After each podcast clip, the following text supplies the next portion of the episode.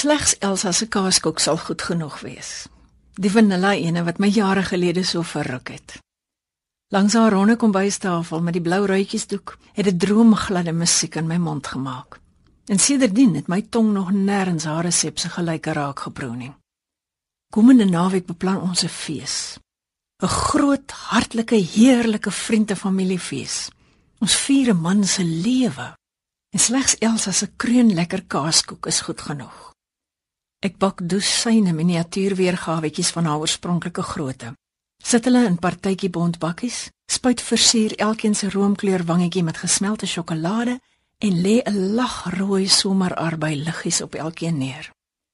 Laat aand val ek plat moeg soos 'n flop so vlei in die bed. Alles pyn, rug, voete, kop. Ek bak nie meer so maklik en so sonder lyfskade soos vroeër nie. Maar wat maak dit nou saak? Dit verminder die plesier en tevredenheid van voorberei nie met 'n milligram nie. As daar net iets onoortreffliks lekker aan so regmaak vir 'n fees. Ons is 'n hele span pelle wat saamwerk. Die een sorg vir slaai, daai een vir vleis. 'n Ander een reël glase en drinkgoed. Nog een bring blomme en braaihout. Natuurlik gaan ons braai om groot gesellige gemeensame vure sal ons kringetjie staan en baie lag.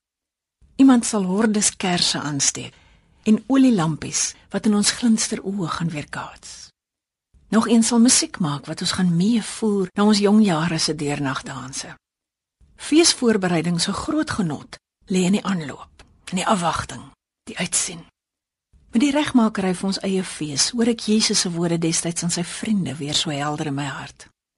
Gaan na die huis van so en so en gaan berei vir ons die Paasmaaltyd. Hulle het waarskynlik gedink dit sou maar weer 'n tradisionele paasete wees, soos hulle dit gewoond geraak het deur baie jare se presiese herhaling. Hulle verwag die vasgestelde liturgie wat eeue lank al aankom, wat hulle al amper agterste voor uit die kop kan opsê. Maar toe verras Jesus hulle. Terwyl hulle die tafel voorberei, berei hy 'n onverwagte, onvergeetlike fees voor. 'n Fees met ekko's tot in die ewigheid. Aan tafel breek hy toe die brood, soos hulle gewoond is maar daar kom nuwe, vars, warm woorde uit sy mond.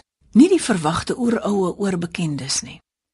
Neem, eet, dis my liggaam wat vir julle gegee word. En met die beker skink hy woorde wat hulle ganse godsdienstbelewing tot toe geheel en al onderste bo draai. Neem dit, gee dit vir mekaar aan. Drink almal daaruit want dit is my bloed. Vergifnis, verbondenheid, verbond.